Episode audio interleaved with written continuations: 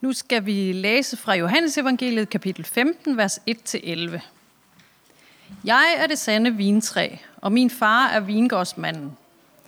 Hver gren på mig, som ikke bærer frugt, den fjerner han. Og hver gren, som bærer frugt, den renser han, for at den skal bære mere frugt. I er allerede rene på grund af det ord, jeg har talt til jer. Bliv i mig, og jeg bliver i jer. Ligesom en gren ikke kan bære frugt af sig selv, men kun når den bliver på vintræet. Sådan kan I det heller ikke, hvis I ikke bliver i mig. Jeg er vintræet, I er grenene. Den, der bliver i mig, og jeg i ham, han bærer mig en frugt, for skilt fra mig kan I slet intet gøre. Den, der ikke bliver i mig, kastes væk som en gren og visner. Man samler dem sammen og kaster dem i ilden, og de bliver brændt. Hvis I bliver i mig, og mine ord bliver i jer, så bed om, hvad I vil, og I skal få det. Derved herliggøres min far, at I bærer mig en frugt og bliver mine disciple. Som faren har elsket mig, har også jeg elsket jer. Bliv i min kærlighed. Hvis I holder min bud, vil I blive i min kærlighed, ligesom jeg har holdt min fars bud og bliver i hans kærlighed. Sådan har jeg talt til jer, for at min glæde kan være i jer, og jeres glæde blive fuldkommen.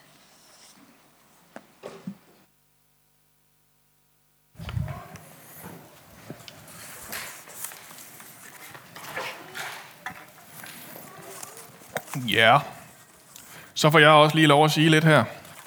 Øhm, som sagt, så havde jeg jo regnet med, at jeg skulle holde den her øh, prædiken på sådan en 3-4 timers søvn, efter en menighedslejr, hvor jeg havde været op og spillet fodbold hele natten og alt muligt. Øh, nu blev det lidt anderledes i år, øh, og vi har heller ikke fået den der tid, som det var meningen, vi skulle have haft, til at snakke om vores visionsproces, og hvor vi er på vej hen som kirke, og hvor det er, Gud han leder os hen i den næste tid, der kommer. Så alt det, det skal vi sådan lige prøve at, at, at forestille os, at det ligger i baghovedet alligevel.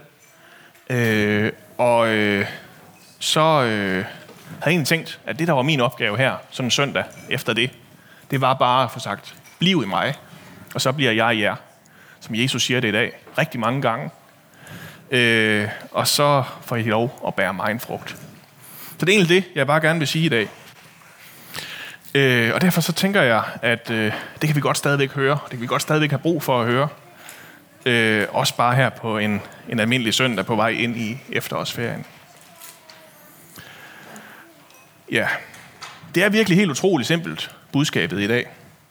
En gren på et træ får den meget, meget simple opgave at blive på træet. Og det, altså, kan den andet? Altså, øh, det, det virker sådan lidt en, en, en mærkelig måde at gribe det an på, fordi altså, måske kan den blive blæst af eller noget, men, men grenen bliver selvfølgelig på træet. Øh, det er lidt ligesom, når Paulus han har det her lægemsbillede, han også prøver et andet sted for at tale om, at vi er kirke sammen. Og leger med den der helt absurde tanke, at nu synes foden, at den hellere vil være hånd, og nu synes øjet, at den hellere vil være øre, fordi det var lidt sejere at være. Altså, øh, den, den dør ret hurtigt, den plan, tænker jeg. Det svarer lidt til, når jeg tænker, at jeg skal til at hænge hylder op eller lære dans rumba. Altså, det, det er ligesom om, der er noget i naturen, der siger, det kan ikke lade sig gøre, det her. Og på samme måde med en, træ, en gren, der, der ikke sidder på et træ længere, der er heller ikke rigtig andet for, end at den bare visner og tørrer ud.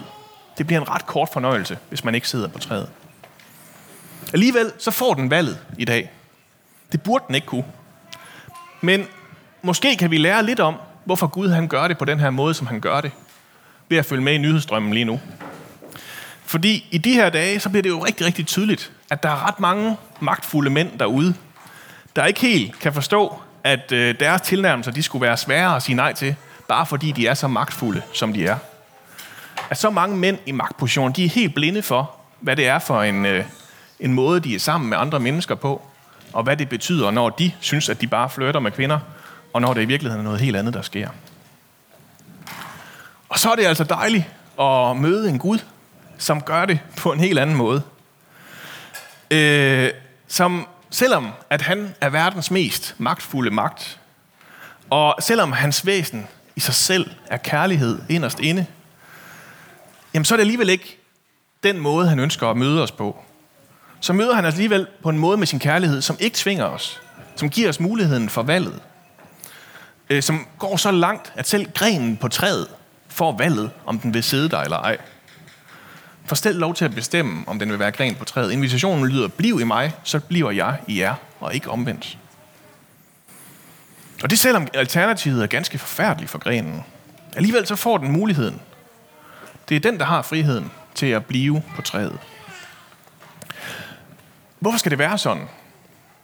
Kirkegaard han fortæller et eventyr om, hvorfor Gud var nødt til at blive menneske. Hvorfor han var nødt til at møde os på den her måde. Det lyder sådan her.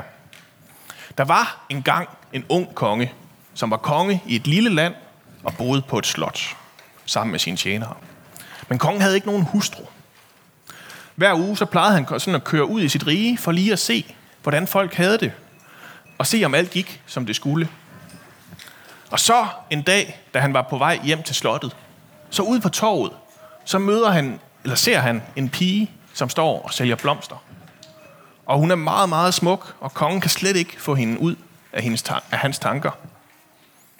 Så nu begynder han hver eneste dag at drage ud og køre forbi, sørge lige for at komme forbi torvet hver eneste dag. Han kunne simpelthen slet ikke lade være.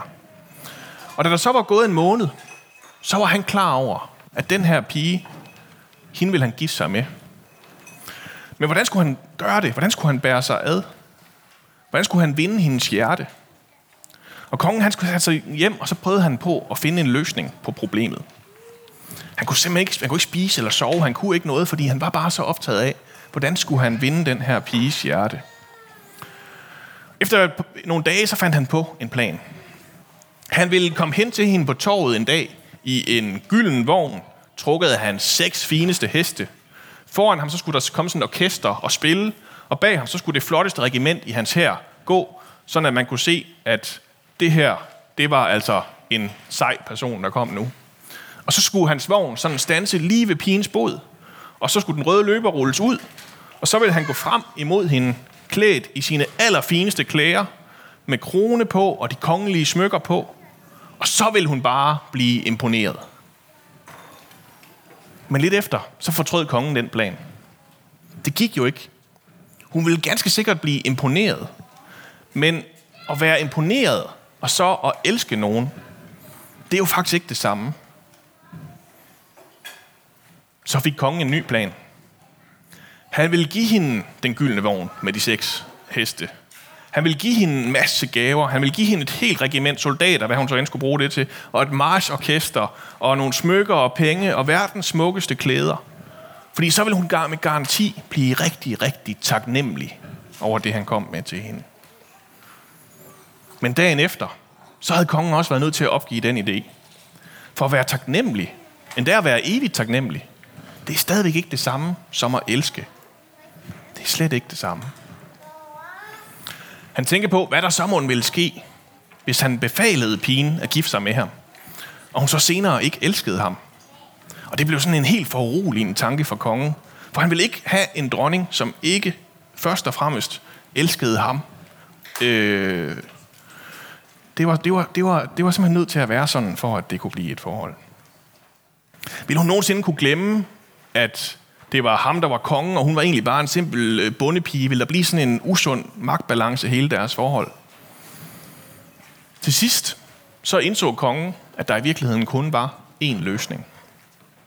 Han skulle ikke komme til pigen som konge, men han skulle komme til hende klædt som en tigger og en bonde, og forsøge at vinde hendes hjerte som en af hendes egne. Så tidligere om morgenen den næste dag, mens det stadigvæk var mørkt, så gik den, listede den unge konge ud af slottets bagindgang og vandrede ind til torvet. Og han var mega nervøs og mega usikker. Han, som havde magt over hele riget, magt over alle landets penge og soldater, han var lige pludselig fuldstændig magtesløs. Der var nemlig noget her, som han ikke havde nogen magt over. Det, som han allermest ønskede sig. Pigens hjerte. For i hjertet, så er det faktisk kun friheden, der kan råde. Friheden til at elske eller lade være. Friheden til at sige ja og til at sige nej. For man kan simpelthen bare ikke tvinge nogen til at elske sig. Om kongen fik held med sin plan, det ved vi ikke. Det ved kun pigen. Det afhænger helt og holdent af hende. På samme måde, så var Gud nødt til at blive menneske og demonstrere sin kærlighed for os på korset. I stedet for at vinke op fra himlen, eller bare sådan løfte alle op, indtil de troede på ham, øh, så var han nødt til at blive som et menneske, og blive født i en stald, for at det her, det kunne blive øh, ægte kærlighed. Og med den her tekst om vintræet og grenene, så har kirkefædrene tænkt, at den kunne vi godt lige bruge og få et påmindelse om hvert andet år på den her tid, mens vi kan se, hvordan bladene de falder af træerne omkring os. Ja, så i dag så får vi den her påmindelse igen. Vi prøver på at forstå, hvor det er, Gud han kalder os hen lige nu. Vi har den her visionsproces. Vi prøver at forstå, hvad vi selv har lyst til. Hvordan den her kirke den bliver ved med at tage den opgave på sig. Og det kald på sig at være kirke her, midt i Aalborg, for nordjyder og alle slags aldre, køn og nationaliteter, og hvad vi ellers skal finde på af kategorier. Og hvordan vi bliver ved med at... Hvordan, hvordan vi kommer derhen, det gør vi ved, som grenen, der har det her absurde valg, at blive i ham, fordi det er, hvis vi bliver i ham, at vi bliver ved med at bære meget en frugt. Ja, så det håber jeg, at øh, vi tager med os hjem i dag. At vi må blive i Jesus. Og lade ham om at være træet, og os om at være grenene. Og på den måde opleve, at Gud får lov at virke igennem os. Det er som et menneske, Gud er kommet til os. Og det er stadigvæk os, der har valgt. Skal vi bede sammen? Far, vi siger dig tak, fordi at du ikke kom med magt og alle dine vogne og viste, hvor sej du er. At du ikke kom øh, og bare prøvede os til at få os til at være evigt taknemmelige over, hvor meget du havde givet os. Men at du kom som et menneske, så vi fik friheden til selv at tage imod den kærlighed, som du kommer med. Og far, det beder jeg bare om, vi må forstå dybt nede i vores hjerter, at øh, kærligheden den kommer ud af friheden. Må vi være grene, som tager imod din invitation til at blive i dig, så du kan blive i os. Og må du give os og rense os og beskære os, så vi kan bære meget frugt. Amen.